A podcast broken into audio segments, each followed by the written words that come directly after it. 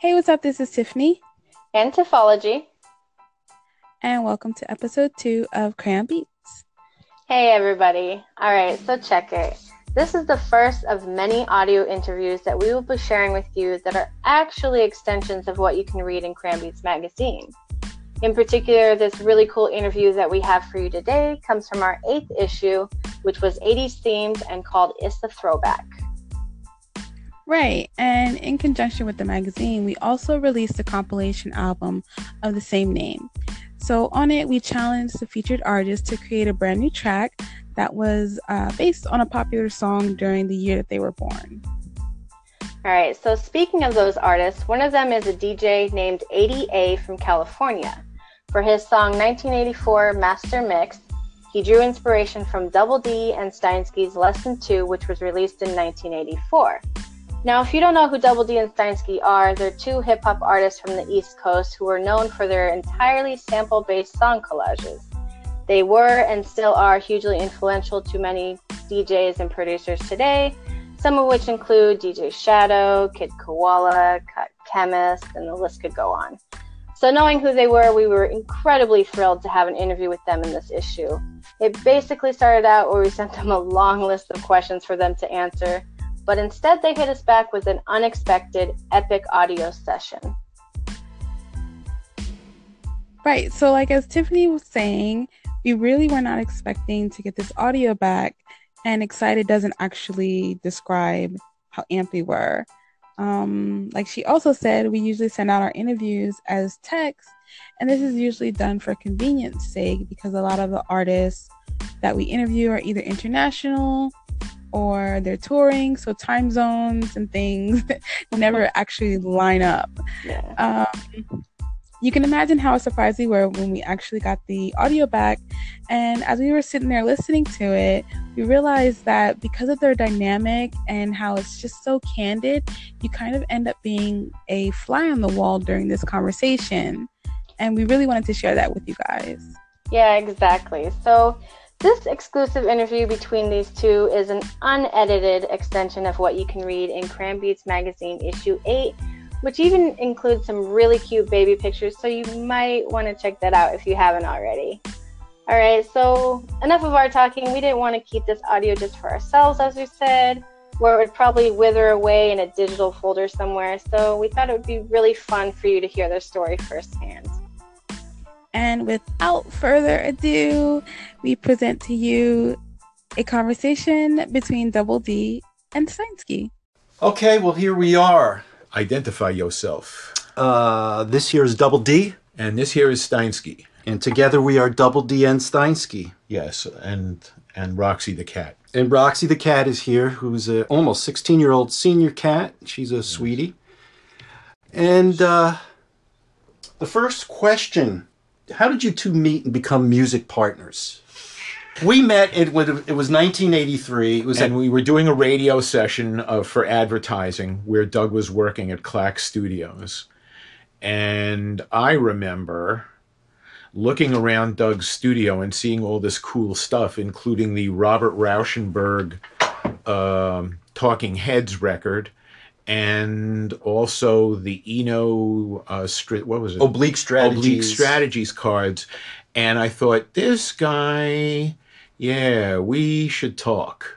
And so and so we hit it off, and our, you know, and then as we did a couple of sessions together, we decided to hang out, and mm-hmm. uh, we started going to the clubs in the city really going to the Roxy, which yeah. was on 18th Street, because at that time, every Friday night was the uh, was the Zulu Nation night. Yeah. We would basically go out, have dinner, have a nice sushi dinner, and then go to the Roxy and, and just see the most amazing. Yeah, and plus the sound system was huge and the lights were good and it was a sort of a different time for hip hop. You didn't really even though there was a complete full body frisk on the way into the Roxy for both men and women, um, it was not the sort of place where you needed to worry about violence. I never saw violence there. And so it was a really different time. It was also during the time of Studio 54, where the Roxy's policy was doesn't matter whether you're cool, not cool, or how you're dressed, you just get in line and everybody gets in eventually. It just goes slow. And so that was that was another cool thing. And also not everybody in the world knew about hip hop at that time. So, you know, you would leave and you would think that something special had happened. But anyway, to answer how we became music partners, we became partners Ah, David Wicks. when uh, Yeah. another one of my clients, uh, David Witz, W I T Z, and he was a producer at CBS at the time. he worked for, Col- for Columbia Records, and we were That's doing right. radio spots. Uh, every day, I would do like a number of spots for all the the latest and greatest records. So I was forced to listen to music whether I liked it or not, over and, And over edit and over. yeah. So one day David says, "Oh, check out this ad. It was in the Billboard magazine and it was, "Hey DJs, want to master mix our licks or something like that." I looked at this ad and they said, "Here, take this record, make a mix of it and do whatever you want." Five So- minutes.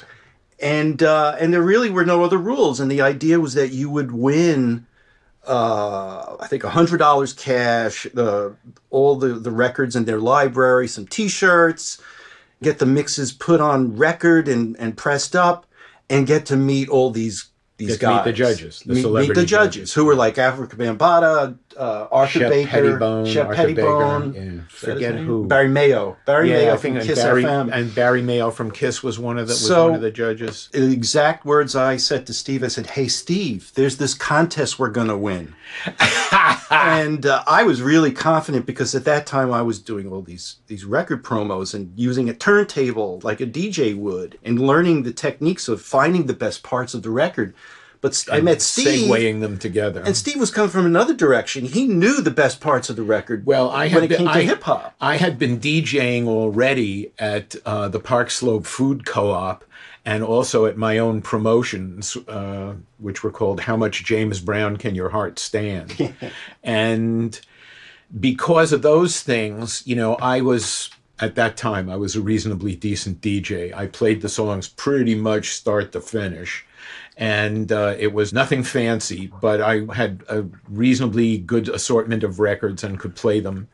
And so, yeah, I came in with a, a sort of a DJ sensibility, and we had both been going to the Roxy, so we sort of understood the underlying vocabulary of what was going on with uh, mixing hip hop records. And who was who, and why were they playing? What what, right. what we were and hearing? Why why why we picked certain records because they were classic hip hop records or they had particularly meaningful uh, there were meaningful samples that we used. So we kind of we weren't coming from completely another planet on this. We, Except for, we- but for me, it was it was a lot newer to me. So uh, you know, I was hearing a lot newer stuff than you know. You had more Yeah. experience for well, sure. I had been into it for a while, but yeah, but nonetheless, yeah, it was. We both at that point we were both a, as hip to it as we were going to be, and so so the bottom line is the chemistry. We really became wonderful friends. and we have endured. We've endured after all these years. We still have a great time. Maybe we don't get to make as much music together as we'd like, but hey, we're still breathing. That's, Lot- that's yeah, a lot of shared sensibilities. right. Oh yes, Roxy.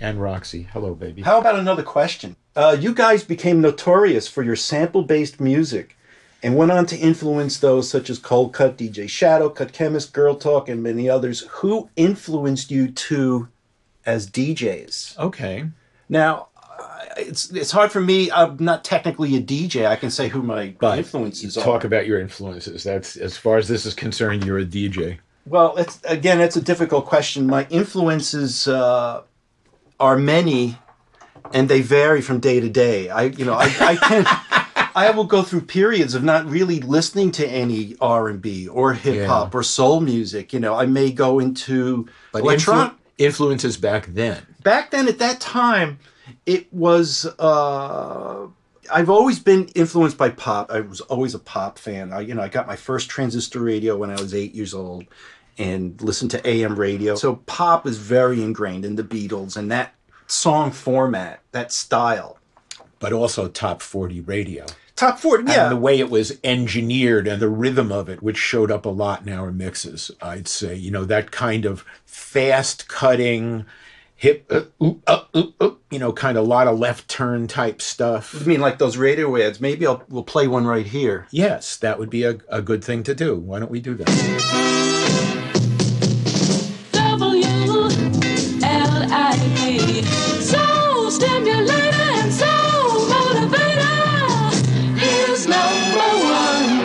Listening to Bold, Black, and Beautiful WLIB, the I Am Somebody station. I was always, uh, you know, listening, being such a music fan. You know, I was started by my parents as a listener, so I just absorbed it all. I absorbed, you know, that And Buchanan and Goodman. that style. Yeah, well, I always liked novelty. I liked silly. I like odd. I like different. You know, Yeah. you you really liked the Dickie Goodman records, which I remember. Yeah. I love crazy records like "They're Coming to Take Me Away," ha ha. Dr. Demento stuff. Doc- the stuff that Yeah. Dr. Demento Yeah. went back and found. yes. That, oh, they're coming know, to take me away. I loved.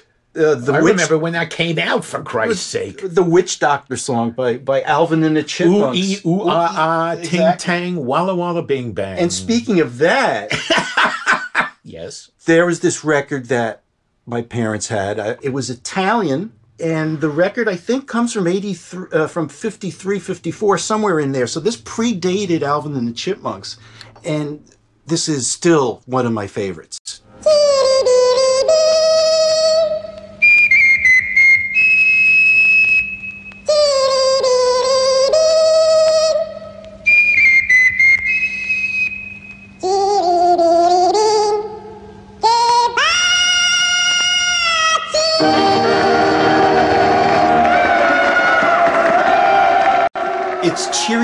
Bin. It's an Italian song, and I I know that song. I don't. I can't think of the artist's name right now, but you sure that Ciribiribin is an Italian song? I always thought Yeah. that was like It might- Yiddish because I was I'm thinking No. of the Italian song that was that was all the instruments in the band. Da, da, da, da, ba, ba, ba, yeah, da, da, da, da, da, da, ah.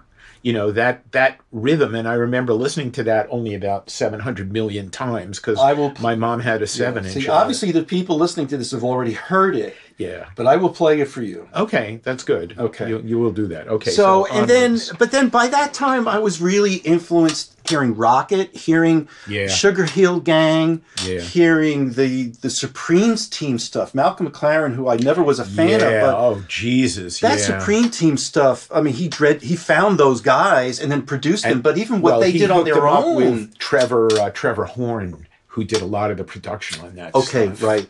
You know, and Trevor Horn w- went on to do you know Art of Noise and stuff Art like that. So he was very influential, along with uh, I remember hearing Art of Noise being at the Roxy. I could Yep. see it. You and I were Yeah. standing there. It's like, what the hell is Bambaataa playing? yeah, It Yeah. it just blew my mind. Fantastic, so yeah. Ear Candy always always impressed me. And then Steve, what about your influences? my influences. Well, let's see. I mean, I think probably um, along with Top Forty Radio, which I absorbed um, just a ton of when I was a kid and loving that style. And actually, when I, uh, in the first college I dropped out of, when I studied uh, media and, stu- and radio and television and film, I actually saw people doing that in a studio with tape machines and all kinds of stuff. Now, of course, it's all off a laptop, but it was incredible watching this. It was like watching a guy play one of those big theater organs, you know, and yelling at the same time. so that was, you know, that that was a huge influence. The Buchanan and Goodman records, you know, the Flying Saucer records were. I remember, you know, again, it's one of those. I remember when I heard that record uh, when I was six in a Chinese restaurant my mother took me to on the jukebox. Um, the other what what was the other stuff? I guess I used to go to the library. Libraries used to have LP records to take out, and I just started at one end of the browsers and went all the way down to the other end. So I listened to Broadway shows, and I always liked the um, the dialogue in between. That was always pretty cool. I listened to poetry, spoken word. There was Edward R. Murrow. I can hear it now. World War II. I didn't even know what World War II was, but I was listening to the. You know, I took it out of the library. I would listen to it. So it was just a, t- a, a lot of spoken word records when I was a kid. I but what about during know? that time we met? At that the time, we met? Oh my goodness. Well, okay. So I had the instant I started hearing rap records, I stopped listening to rock and roll for the most part because I felt like I had, you know, the epiphany had happened and I knew what I was supposed to be doing You moved. Felt like you moved on. Yeah. So it like I guess the first thing was a Peter um Peter what's his name recording. It was the Family Rap by a group called The Family because I had heard um a radio show on WPIX where Deborah Harry and Chris Stein from Blondie Mm. had said, "Yeah, we're we're guest DJs, and we just borrowed a bunch of records from uh, this guy in the South Bronx. We were at one of his parties last night, and they played the Funky Four Plus One More. They played all this stuff on Enjoy, Mm. very very early stuff, and I was, you know, it's just like wow, wow, wow, wow, wow, and um, I bought." Everything I could get my hands on at that point, and I started haunting the record stores because it was like, "Oh yeah, man, this is the shit."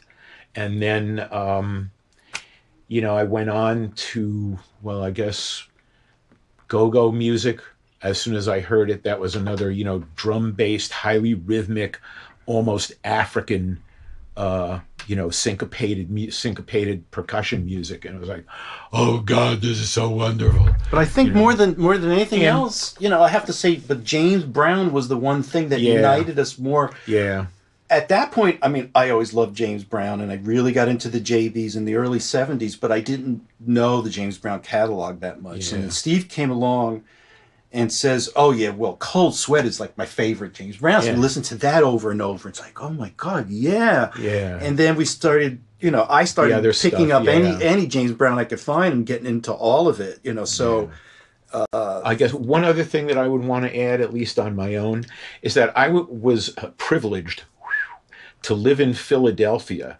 in uh, the middle 70s, like from 73 to 77 or 78. And Philadelphia radio was so black and it was fabulous. There was the Blackbyrds. There was, you know, Bohannon getting played ceaselessly on the radio. All this stuff. Everybody in Philadelphia was walking down the sidewalk, you know, moving their necks to stuff because it was just, it was the music of Philadelphia. And all that stuff that happened in the 70s, uh, um, Parliament and Funkadelic were huge in Philadelphia. And I remember when I moved back to New York, it was like, wait a minute, man, where's all the music? you know, I just, but that stuff influenced me hugely. You know, I have to say, was living in Philadelphia at that time. I wasn't listening to, J- I was, uh, well, I was listening to JS, but I was listening to a ton of that stuff. And we didn't even call it funk music at the time. We called it like black rock. mm, You know, mm, it was because it was- God, it yeah, was- and it was so amazing, so incredible. And Yeah, I- like, yeah, that's where I first heard James Brown. I didn't mention, and it doesn't really work into this equation, that I was heavily into progressive rock in the 70s. Yes, that's right. And I still do like a lot of that old stuff. It kind of nicely brings me back. I mean, I even like what King Crimson does these days.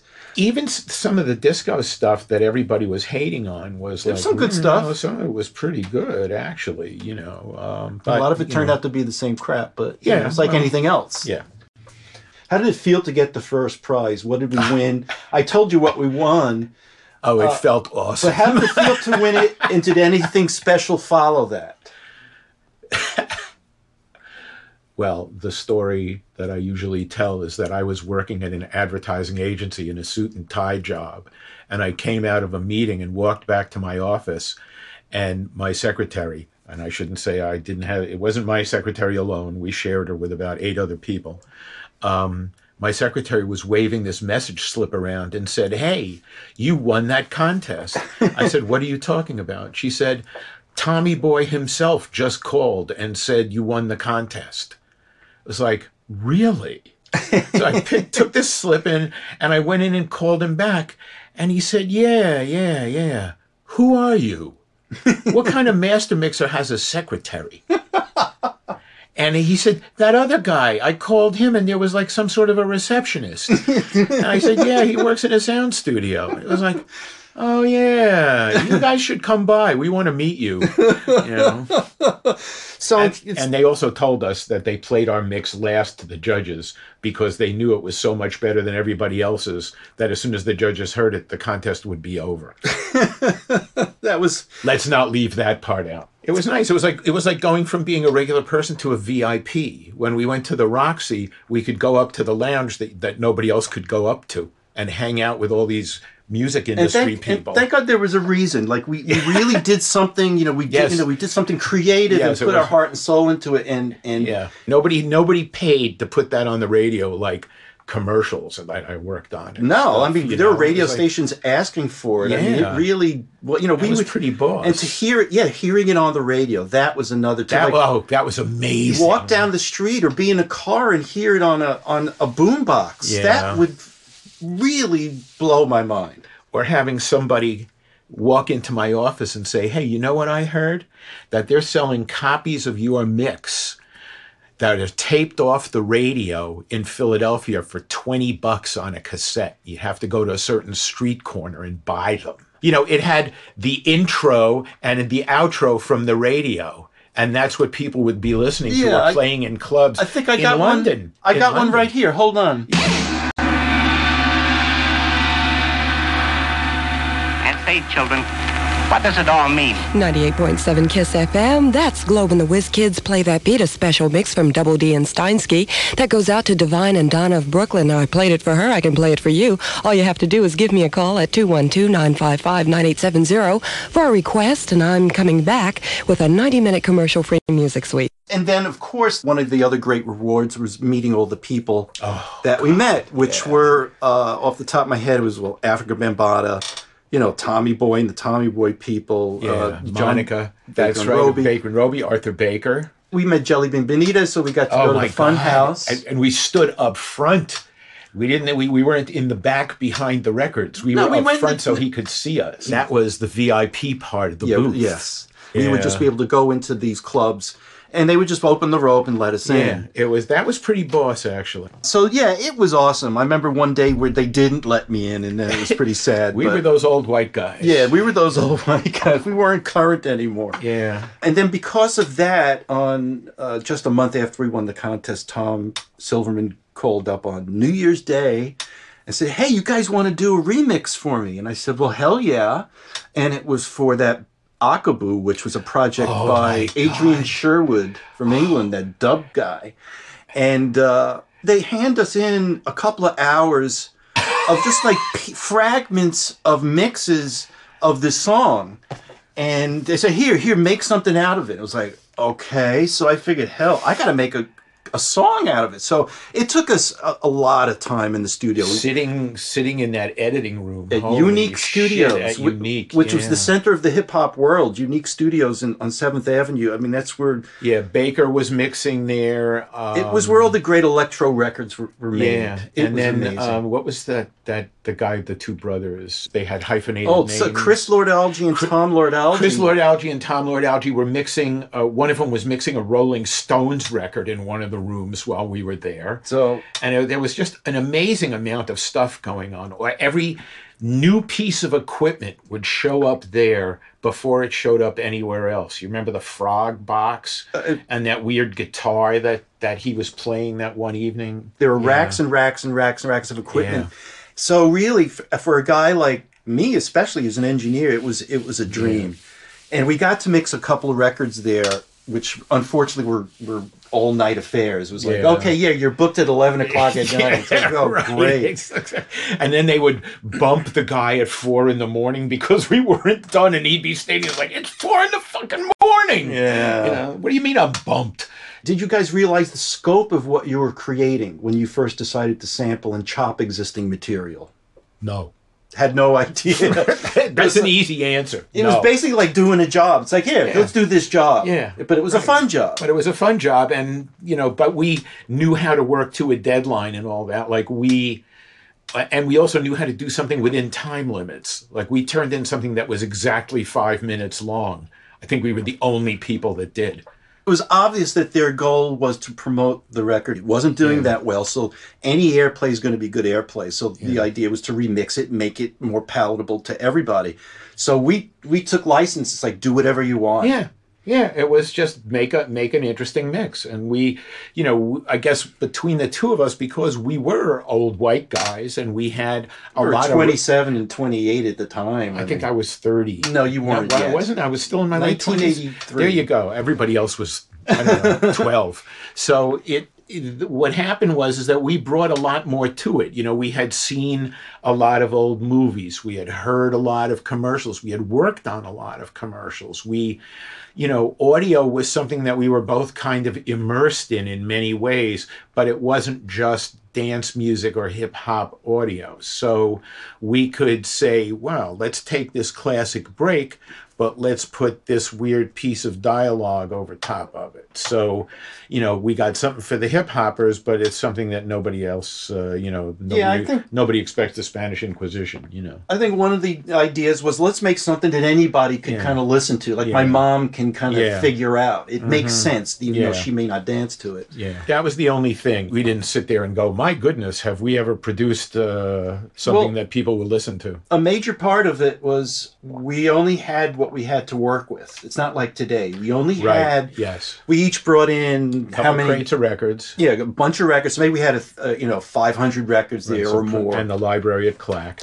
and a, li- clack, you know, they had the li- libraries of all kinds of records and sound effects and stuff. So we only had this stuff to work with. So when you wanted to pick spoken word, there wasn't that much. And Yeah. in, in my case, it was really stuff that Steve brought. I had very little spoken word. Steve had more of that stuff, but Instruction records. what we created was really a child of of Oh, the yeah. stuff we brought. Oh, Today, yeah. it takes me a year to do something because anything is possible. Yeah, it's there's it's so many- there's it so is many so choices. infinite seeming. It's hard to narrow it down. It's easier when it is like a job because at least then you have parameters to work in. Well, you have to deliver it in two hours. Yeah. and it's not necessarily limiting. You know, if you you know you got your chops up, you can do a you can do something really cool. Yeah. Yeah, definitely. The li- no, the limits are, are good and the limits Yeah. are, are necessary. So, uh, But no, we didn't know. and and this question is kind of kind of in there. What did we answer this? What was it like to be in the forefront of hip hop during the '80s? I mean, Well, we've we kind of knew a lot of about that. people, and we listened to a lot of stuff. We went to a lot of clubs, and We, the, well, uh, the DJs, you know, for me, I, I'd work at the studio and I'd be, I'd get a call. Oh yeah, Red Alert is here. Can you come? Oh yeah, send him in. yeah, so Red Alert would come by. DJ Chuck Chill Out. Some of these old school you worked guys. with Jekyll and Hyde too. the guy from uh, Whodini, the DJ from Whodini, oh was a my nice God, guy. that guy who didn't use headphones. he was amazing. Yeah. Oh, you just know have to know where you are on the record. It's Yeah. like, all right, you know, that's it. I give up. I give up. You win. But these guys would come by and just we'd hang out, we'd shoot the shit. They'd get to meet Yeah. my clients. We'd go out. And uh, everybody we met were the most wonderful Oh, people yeah. I could ever imagine. That's the thing, man. Yeah, I Maybe a little crazy in some cases, but but really all the like the But DJ guys, the DJ guys were were Yes, just fantastic. They were people. awesome. Hi, Poopsie. How do you think your contributions to hip hop music have impacted the generations after you? Thank you, Roxy. Pe- people seem to have heard heard our records. Some yeah, people. it's pretty. It's pretty obvious if you if you Yeah. listen to records like Coldcut, early cold cut records. early Cold yeah. Cut, DJ Shadow, Cut Chemist, Kid Koala, and they will say it, and and to hear it is is just an honor. To and Fat Boy Slim for that. Fat Boy matter. Slim. Uh, I'm sure there's more others. Uh, Liam Howlett from uh, Prodigy Right. did the Dirt Chamber sessions. That's right. Yeah, yeah. and there's a lot of stuff like that, you know. And but you know, but then look at us. We copied Fusion Beats by African Bambaataa, which Yeah. was an amazing well, 12 inch. Actually, yes, and, and another another influence too, because we sort of understood, you know, where that was coming from. Just dancing to a loop, then going loop, oh, loop, loop, loop, loop. Yeah, there's something You know, about yeah. repetition. You know, unfortunately, repetition today is too perfect. But back then, when everything was more analog, Pause button. you know, the, the rhythms wouldn't be perfect. You know, the tempo wouldn't be perfect. You know, Mm-hmm. It, and it all just worked because every it was all just so sweaty and hot, was and loud, loud. and wonder, loud and wonderful. Yeah, yeah, yeah. Seeing is how you guys use nothing but tapes and razor blades to construct your musical lessons. About how long, on average, did it take you to finish a single collage song? How many records were used for each one? Well, I think I would just Lesson one was like 40 or 50 records, wasn't it? probably hard for me to say. Uh, You did that in a weekend. we did that in just two days, a Saturday and a Sunday. Yeah. And then lesson two we we did that on one weekend and the and the following weekend and then lesson three we did uh, in 1984 when we lived together for a short time in Brooklyn and, And had, had our own studio. had- and put together a little studio of our own. so we were able to really take time with that, and you know, and that really is probably the uh, a pretty sparse record when you listen to it today. There's not much on it. There's not like a lot of voices, a lot of sound bites or anything. It's very it relies a lot on the, the- music. But it was the first one that it's the it's been the most widely bootlegged. Yeah, it still You blows know? my mind, but it, it's it's really popular. It's probably because of the music. I mean, use the songs are great. classic breaks, man. I mean, that was the whole thing of the history of hip hop. You know, it was like let's take all these great breaks and stick them together And know? dance to the to the Yeah. drummer's beat. It's oh, like Jesus God, it's like what the a perfect theme. song. Yeah, And we were supposed to. Uh, I don't remember all the details. It was going to be a book and a record, It was uh, the history of hip hop. Yeah, and nobody had thought to ask uh, Herman Kelly, who owned the song. You know, they sort of figured that he would just go along because this would be really great, and he asked him for some ridiculous amount of money and wouldn't back down. So it never happened. In 2002, all of the original lessons were re-released on vinyl CD for the first time I saw this. for the ultimate Except, lessons. yeah, except for it, there's a couple of inaccuracies there. First of all, that isn't the first time the lessons came out on vinyl. First time they came out was when Douglas and I pressed them up on a custom 12. Then Tommy Boy pressed up all three of them, one and two on the first one, and then when three came out, they put that on the back, and that was a promo. So that came out. The the guys who did the ultimate lessons um, never got in touch with anybody, scammed all the money. So that should answer that question quite neatly. We had had all the thrills before they decided to bootleg our bootleg and uh, keep the money. Was it exciting to finally have your music pressed in physical form? Well, when we first did it, Jesus, people were mobbing us. We, We would we would go out with a box of records? records and we just hand out Just to people. give them out. Yeah. Give give a box to my mom. You know, give them out to my friends. I mean, it was to have a rec a physical record. Yeah, it was a thing. It was really a thing. I remember the first record show that I went to, the uh, WFMU Record Fair, when it was uh, in the East Village, and I had a couple of those records for sale. And some kid ran in before the doors even opened. And he was a young kid. I think he was Japanese. And he said, I'll give you 25 bucks each for every single one of those. And I said, uh, sure. By the way, how do you even know about these? He said, There's a picture of the label on a record store I go to in Osaka. Okay. I you know, it was like, whatever you say, buddy, you know, okay. We have a lot of fans in Japan. If you look on the SoundCloud, Yeah, we're, we're big in Japan, I think is the phrase. Yeah, yeah. we, if if we ever toured, we'll have to Yeah. go. we have there. tour. Yeah, we must go to Japan. Absolutely. Getting our stuff on record. Yeah, it, it, it's It was a thrill. It was great.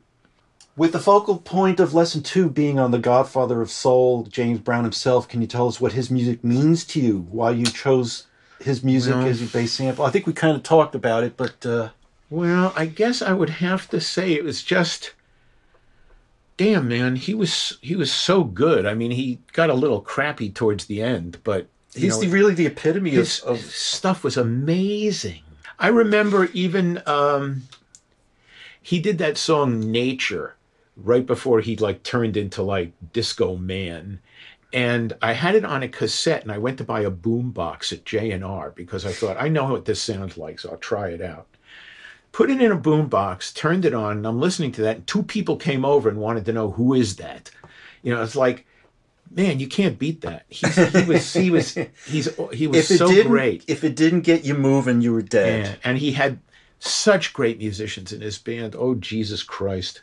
Even though he was obviously a son of a bitch, he was just so talented, Yeah, I met so a, good. I worked with a guy for a while, Bob Both, that was his engineer, yeah, and uh, you know he used to do like, hot pants in a lot of those records. Oh, And he said they would they would just be in like a tiny little studio in the middle of the night on the road somewhere, and he had to like get them down while they were sounding as hot as they did.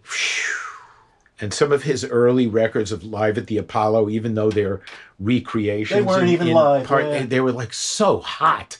Oh God, they're so hot. If you were to remake any one of your own songs to reflect where you are as an artist today, which song would you remake and why? Or the flip side, if you were to create a new lessons, how would it reflect you as an artist today? A lot of what we do are kind of lessons, really. Yeah, They're all coming from in the many same ways. place. Yeah, I think so. And a lot of times we're, we're kind of exposing a, a subject of some sort, whether it's light or dark or political or Yeah. or, or party or whatever. I can't say I'd ever want to redo anything at all. No, I wouldn't want. Yeah, I, I Everything is totally valid and yeah, you know that, that fine by me. did. You know, fine by me. I mean, Except for that French record we did.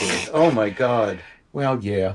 That was Well, um, yeah, but I, I mean, I wouldn't even think of remaking it. I would just want to forget it. you Yeah. know, So there's nothing to remake there. yeah, That was a I mistake. mean, I'm yeah, I'm I'm pulling stuff out now that I worked on years ago and taking a listen to it and seeing if there's ways I can knock it up like that LSD is the bomb thing. You know, Yeah. that's you know, and it- then even you know and, and another important thing is the uh we don't have a real name for it we've been calling it rev bud yeah, r-e-v Rev bud, Bud. Oh yeah, that piece has been in in progress for about uh, 25 years. 30 years 1986 or 7 was when we first did it and never really finished it it just you know just Just fell sort of apart yeah. through life changes and stuff like that but Yeah. i've uh, it's been re- resurrected and I now have it in a, a form that's about 11 or 12 minutes long, and I'm trying to figure out whether it should be edited down or not. But it's a, it's basically a piece on preachers. It was our first experiment using Yeah. preachers. It's just yeah, it was like people yelling, a lot of it, and you know? uh, it doesn't hollering about religion, It didn't. You almost didn't really matter what they said or what you know. It was just the the sound, the rhythm of it. the rhythm of it. What I have, what I have discovered, the term for is prosody. Prosody P R O. S O D Y. It's a very good word. yes, the rhythm of speech and the melodic elements of speech. Oh, do, redo. Oh, the Rev Bud. Okay, Yes. it's called Rev Bud because uh, there there was a main bite in the original piece taken from uh, the Buddy Holly story. It's one of the reverends in it Yeah, talking about the scourges of rock and roll music. yeah, So you know that bites in there. So now I've, I've kind of gone in there and and uh, found a lot of bites from other preachers, and uh, it's Yeah, been greatly certainly have, expanded. man. oh man, yeah. But I'm trying to desperately just finally put a stamp on it, say this is it, it's done. It really should be done. It should be it should be done in a short version instead of 12 minutes, especially for the in time for this great plug here, Norwegian book that we're going to be in. Oh, that's right. Which is in Norwegian. It's in Norwegian. It's coming out in Norwegian. It'll come out apparently October 16th. The Norwegian rapper Jodski, which is J O with one of those little thingies above it. Umlaut? Yeah, those dots. Dots umlaut, I think. J O D D S K I. I think it's I think it's two D's. Yodsky, and he's a he's a rapper, and uh, he and an d- author. then an author. Now he's done this book on uh, classic hip hop and and a whole chapter on us. Got some pictures that we we're still dying to see. There's some new pictures of us that are going to be in this book, and hopefully it's going to be translated to English, and that'll be Yes, that would be good because I'd like to know what he said about us. Oh yes, you're one of the f- double D. You're one of the few original artists who had the chance to not only listen to the inspired version that uh, ADA did yes. uh, on his 1984 mix. Um, what was it like coming full circle on your music through younger eyes' ears? Well, it was pretty mind blowing because I I kind of really just don't have an idea of what young people today are tickled by. I, I just have no way. If it's the pop music that's on the air, then I feel sorry. But I know that there are That's what young people. used to say about us. I know there are young people out there that that have some good taste, and there's some good stuff out there. Um, what Adam did is is amazing. I was Yeah. saying to Steve, That's it, a hell of a piece of work. it kind of reminds me in a way of a cross between John Cage and John Oswald. And John Cage is is the is the the music concrete composer. John Oswald is a Canadian composer who did some music concrete style pieces with with heavy edits. Yeah. Oh, he he did that long piece for the Grateful Dead. Right, right, right, right, right, right. So when I first heard it, it was it took me one or two tries to hear it to really get a handle on it. And the more I hear it, the more I do get a handle on it. It is an amazing piece of work, and there's so many references in there, and just the fact that he's not repeating them as we always do is what really makes it stand out. And I'm just hearing probably probably even more content than Holds together beautifully. Yeah, a lot of different amazing. sources. It's really impressive. he's using a real turntable. He's using a sampler, and that's it. Yeah. you know i i now have you know the the world at my fingertips and adam is is still Yeah. you know gr- you know grasping that stuff i'm trying to help him He's along doing a hell of a job. yeah yeah i'm trying to coach him along and you know give him some tips and encouragement where Yeah. But uh, we've also you know done some collaborating and that'll be heard very soon. So yeah coming coming full circle yeah it's it's like what what is someone of today's brain assimilating? You know he Yeah, he, he likes what we did and Yeah. but it's certainly not as uh, complex lesson one two or three not as complex as a piece like Oh, No, this. no, no. So anyway, what? uh, well, left? another one more related question. Can you talk about mixing and mastering ADA's mix? Ah, okay. There wasn't really much to it. It sounded great. I, you know, I just put a little polish on it and you know a little, Little magic here little and there, but Yeah. nothing. There was nothing drastic. I didn't do any releveling or changing of anything. So it was just a a really easy, quick job. What are your thoughts on sample based hip hop music of today? Are there any particular producers that you really enjoy? Oh man, I don't know nobody.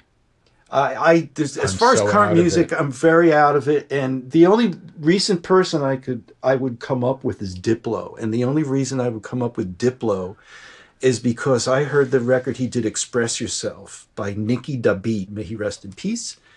And the only reason I heard that record was we used it on a on a commercial for VH1. It was like, what the fuck is It this? was good. I will play it right now.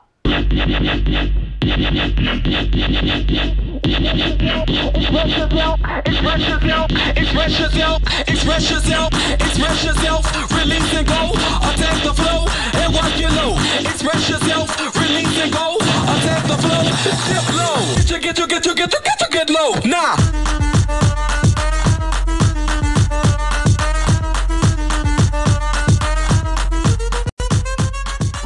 I want to make that record. That was what like Rockit was when I first heard it. This was like what Yeah. Hot Pants was when I Yeah. first heard it. Yeah, yeah, yeah. Or or Roxanne, Roxanne. I pulled over the car to the side of the road and heard these records. They just like took me away, and they're Yeah. and they're pop records. Yeah. Yeah, they, well, I mean, I'd have to say that hip hop has gone somewhat mainstream, and many many hip hop records are. And I guess in a way, now. so like the lessons were were really like that. We were trying to go for that that hmm. sensibility of picking and Well, music. also and- having both of us working in advertising, we had a really different sense. You know, besides knowing about dance music, we had a different sense of how to connect with the people who listen to something or the people who read something. I listen to a lot of old material. I've been going to a lot of I've been discovering a lot of music I just never heard. You have to realize also as a youngster, I never wanted to hear music before the time I was Yeah, a kid. I know. You think old stuff is like There were "Ah, still this is kids garbage. There were still you know? kids like this and young people. Yeah, So it wasn't I have to say comes with being young. it wasn't until I met Steve. I mean, I liked all kinds of stuff, but it wasn't until I met Steve where I can go back and listen to something from the 1920s. Yeah, And which I, I listen to all the time now. it doesn't matter when it was done. There's a lot of great stuff out there that I still haven't heard of. There's still a lot Yeah. of composers Oh. I don't know of. There's a lot Yeah, of- I've just been listening to a lot of stuff that was that was taken off 78s, a ton of stuff, you know. And it's like right now I'm listening in the car, I'm listening to a bunch of pre-war gospel, which is just like fantastic. so the Golden Gate You know. Quartet or before that, yeah. before that Eddie Head.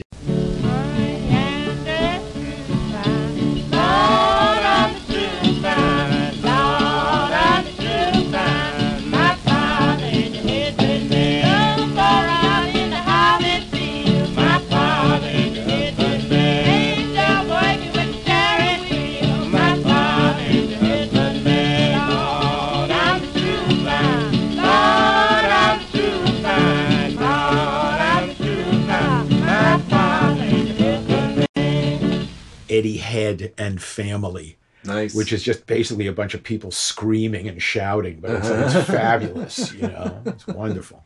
Golden Gates are amazing. Yeah. They were so funky. Oi, oi, oi, oi, oi.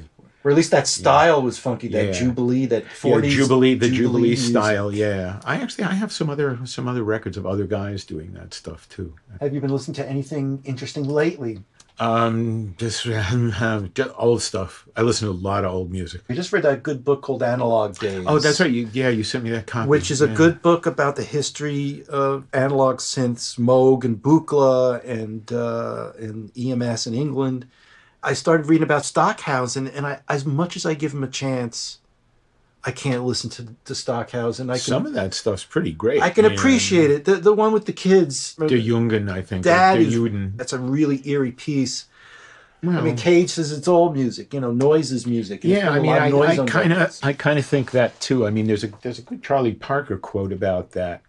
There's no boundary lines to art, Hmm. and I kind of that always, you know, kind of struck me as like, yeah, that's pretty hip. I mean, even Edgar Varese is a composer in the twenties using the Yeah. car horns and stuff. I mean, just any sound. you know the the little bit of stuff that I do that doesn't seem to make a whole lot of sense on the face of it, I label as experiments, you know, prosody experiments, where I just want to use disconnected pieces of hmm. verbiage hmm. Hmm. rhythmically.